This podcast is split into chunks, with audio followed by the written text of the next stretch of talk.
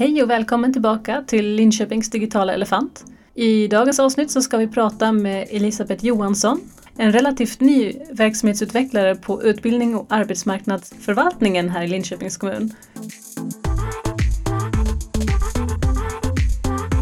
Här i eh, Linköpings kommun så var det en inspirationslunch. Ja, det var det. Det handlar om förändringsarbete i stort och smått. Möjligheter och utmaningar med det. Kopplat både till kommunen och eh, forskning inom ämnet. Om vi lite snabbt sammanfattar. Vad var de liksom största takeaways, de bästa tipsen? Tänk på det här. Den största takeawayen tror jag ändå är att eh, förändring är mycket upp till dig själv. Och du, du har ett val hur du vill anamma förändring. Om du vill se det som något jobbigt eller som möjligheter att hänga på och se vad det kan ge för någonting.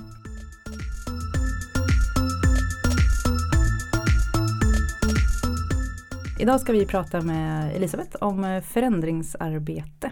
Linköpings kommun går ju just nu igenom ganska mycket förändringsarbete. Vi har en ny samarbetsplattform som ska in, vi har omorganisationer som pågår.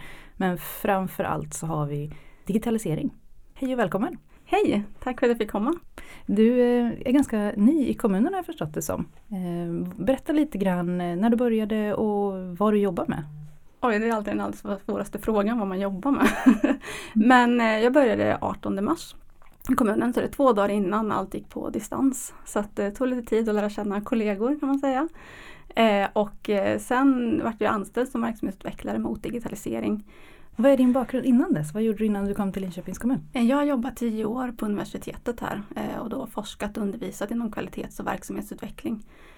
Så under min eh, doktorandtid innan jag disputerade var det mycket kopplat till hur man kunde ta med sig, alltså kund, involvera kunderna när man utvecklar nya tjänster.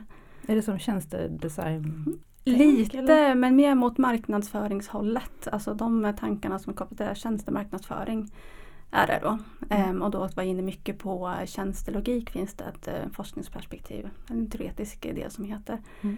Eh, som jag tycker är jättehäftigt eh, att gå in vidare på. Mm.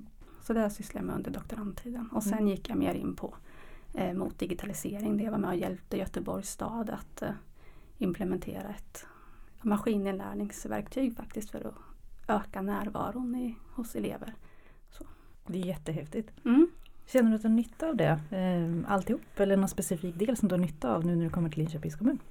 Alltså jag tar ju alltid med mig olika modeller och tankesätt när jag tar mig an nya problem och så. För det är det som det handlar mångt och mycket i det när man jobbar som verksamhetsutvecklare. Att liksom hjälpa till och stötta metod, alltså med metodiker och så. Och strukturera upp processen i förändring som jag ser det. Mm. Och sen handlar det om, det är det som är så roligt för mig också nu, att jag har stått och mantrat det här i tio års tid i en föreläsningssal för studenter att så här ska man minsann göra. Eh, för så här säger forskningen. liksom. All teori och så, så tänker du att du ska bli praktisk här nu. Ja, ja. ja men precis. Och nu kan jag liksom se, okej okay, men hur kan man anpassa de här olika mm. eh, delarna. Häftigt. Vad mm. tror du din största utmaning blir? Har du kommit på den? Den största utmaningen som jag har trott innan jag började i alla fall, det var just det här hur jag skulle kunna praktisera de eh, olika delarna. Eh, och att jag kanske är lite långsam. Och då är att jag är så van att det är så mycket reflekterande och man ska se till att ha en förankrad forskningsmetodik och vilket teoretiska perspektiv ska man ha och allt man gör ska liksom verkligen vara överlagt. Eh, men det, det, tog inte så lång tid innan jag insåg att här, behöver vi liksom ha lite mer verkstad. ja, så är det. Ja. Det är det, det vi pratar om just när man gör förändringar, att det är inte bara chap chap utan det mm. krävs tid för reflektion och mm. så vidare. Och ibland är det, det är någonting man inte alltid får tillgång till i, i verksamheten. Mm. För att den ordinarie verksamheten ska rulla på. Ja, mm. eh, och det håller jag verkligen med om. Och det, det, det är ju så. Men samtidigt så ser jag att på varje möte som vi har eller efter varje dag, man kan faktiskt ägna ett par minuter åt att reflektera. Okej, okay, vad gick bra? Vad kan gå bättre? Bara den lilla biten gör att man liksom börjar att tänka framåt och på förbättringar i sig istället för att bara klappa ihop och gå därifrån och sen så inte tänka på det förrän nästa gång. Liksom man, och då har man ju redan glömt bort vad det var man gjorde. Absolut. Mer eller mindre. ja. Alltså stanna upp med projektgruppen eller ledningsgruppen eller vad det är. Okej, men hur funkar det här? Hur, hur går vi framåt mot det vi vill eller är vi på väg åt fel håll? Det är egentligen ganska enkelt. Hur vet man att man är på väg åt rätt håll då mitt i en förändring? Liksom? Det... det är då vi kommer in på planeringsstadiet. Det är viktigt att man första början enas om vart är det vi ska någonstans. Eh, vad är det här målet som vi strävar efter? Och att alla får en gemensam syn till vart, vart ska vi helt enkelt. Mm.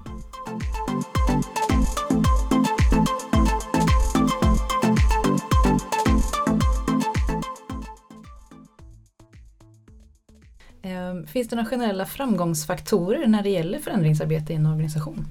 En av de viktigaste sakerna när man går in i ett större förändringsprojekt som faktiskt kommunen är inne i, i många stora förändringsprojekt nu, det är just planeringen framåt.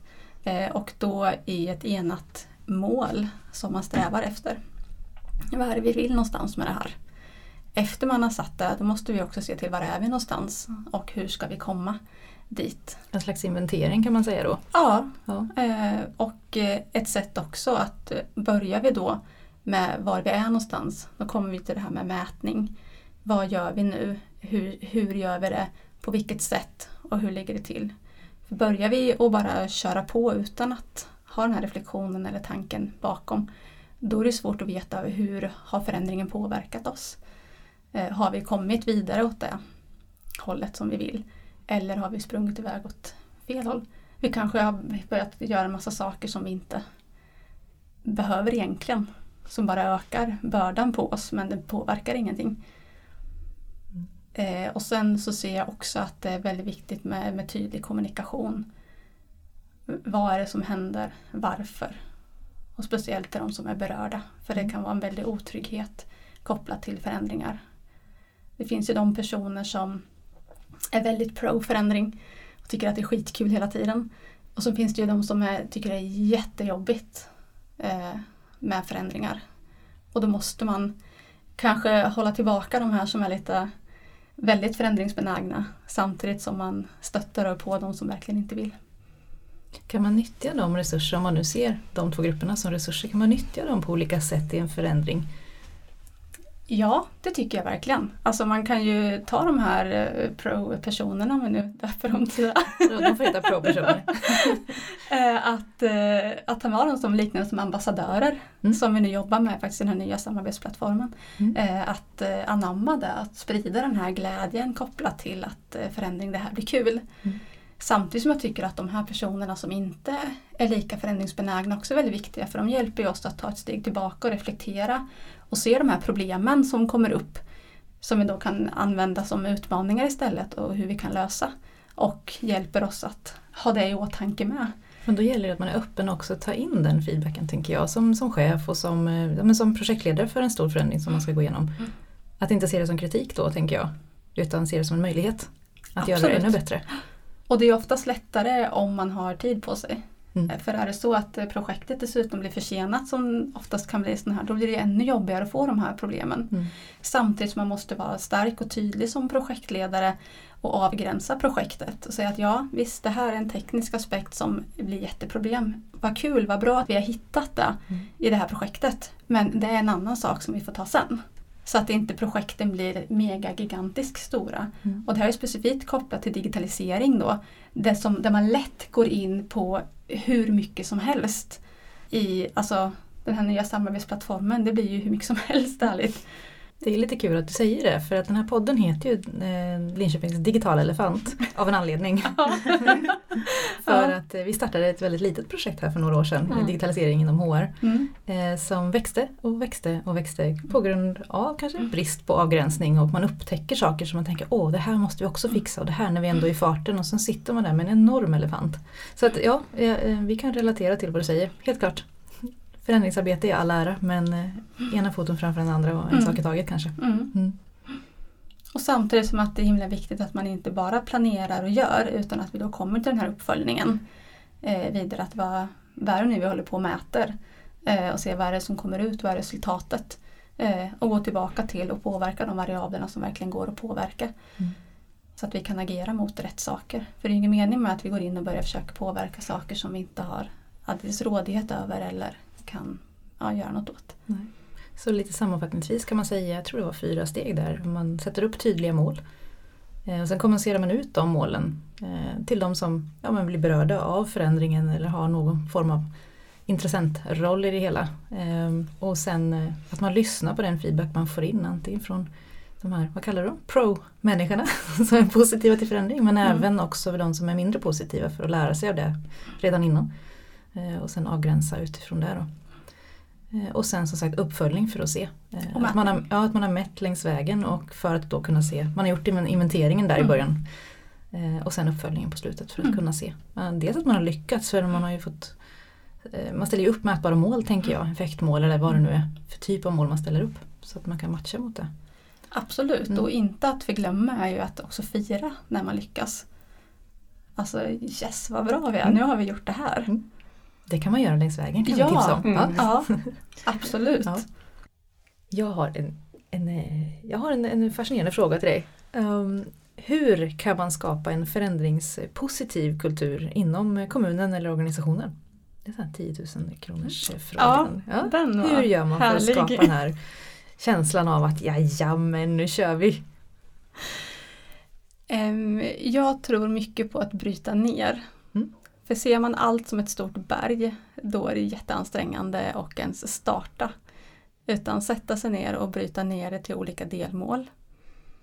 Fira när man når dem. Eh, och eh, jag tror mycket på positiv feedback. Jag ser dig medarbetarfokus eh, på det här sättet att idag, shit den här veckan vad du har levererat till exempel eller bra jobbat med den här saken. Mm. Och det behöver ju inte vara chef till medarbetare, det kan ju vara medarbetare till medarbetare. Absolut. Tänka att man ser varandra. Mm. Mm. Absolut. Det, det, tror jag i sig gör att man känner sig mer positiv till saker. Um, och sen så visa på hur alla är delaktiga i det man gör. Och så, och så uppfyller man det bara och sen så är alla positiva tänker du? Nej, det kommer alltid vara folk som är negativa. ja. Och eh, det är ju frågan också, hur mycket ska man fokusera på de som är oerhört negativa? Mm. Eh, hur mycket resurser ska vi lägga mm. på det? Man kan försöka till en början men inser man att vad det än vi gör så vill man inte. Nej, men eh, då får de vara med på tåget eller hoppa av. Mm.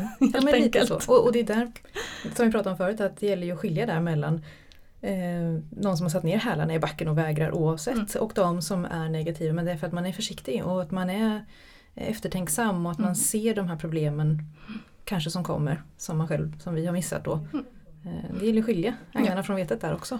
Och då har jag som val som förändringsledare att om jag ska fokusera på det ena eller det andra också och mm. hur mycket energi det tar av, av mig. Mm. Eller en projektledare kanske man ska säga. Ja men det, det ja, dig. Ja. Ja. ja men så är det ju. Sista frågan då. Eh, max en handfull tips om man ska ta med sig något ifrån det här avsnittet och tänker att eh, man har precis blivit eh, utsedd till någon projektledare för något eh, digitaliseringsprojekt eller något införandeprojekt av någonting. Och så vill man ha max en handfull eh, tips på för att lyckas med det här man ska genomföra, förändringsarbetet. Vad har du för tips och tankar där? Um, max fem. Eh, uh, det första skulle jag säga är ett tydligt mål. Verkligen ha förankrat vad, vad är det vi ska göra. Och då förankra i hela gruppen som är berörd med mera. Uh, det andra är att bryta ner det till vad är det vi verkligen ska göra för att komma till det här målet. Det tredje är då kopplat till mätningarna. Klart. Vad, vad, hur kan vi se att vi har nått dit vi vill? Det fjärde skulle vara att se till att fira de här nedgångarna. Eh, och det femte är bara acceptera att det blir inte som man planerat. Det låter väldigt rimligt ska jag säga. Eh, den femte där var ju grym faktiskt. Visst är det så? ja, och det är okej det med. Ja, mm. och vi kommer att gå på nitar. Mm. Eh, men vi har i alla fall testat. Mm.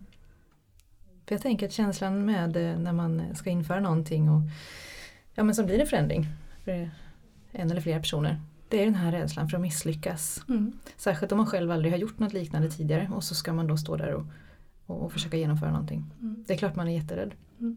för misslyckande men det är okej. Okay. Och då kopplar vi tillbaka till det här med tillitsbaserad styrning också. Att eh, Eh, chefer måste ju mm. Både ha tillit men också att ledar, ledarna måste ju också visa att de, att de tror på det. Ja. Och att de finns där även om det misslyckas. Så det är väl en tanke till alla chefer där ute, ja. tänker jag. Absolut, mm. och att det finns en, en, transparens i vad som händer också. Mm. Att man inte håller inne på saker. Utan lita på att det, det ordnar sig. Mm. Det var dagens avsnitt om eh, förändringsarbete. Som det handlar mycket om när man eh, jobbar med digitalisering. Det är nya verktyg. Det är, man eh, har en robot rätt vad det är som gör ens jobb eller nya verktyg som man ska införa i en hel organisation. Eh, mycket förändringar, stora som små. Så då har vi pratat med Elisabeth som jobbar som eh, verksamhetsutvecklare i Linköpings kommun. Tack så jättemycket för att du kom hit. Tack. Och tack ni som har lyssnat. Om ni vill veta mer om de här metoderna så kommer vi försöka länka lite grejer i texten som tillhör det här avsnittet. Om ni har frågor, idéer, tankar och vill komma i kontakt med oss så kan ni mejla till den digitala elefanten linkhoping.se eller hitta oss på sociala medier. Länkar till det kommer också finnas i texten som tillhör det här avsnittet. Tack så mycket!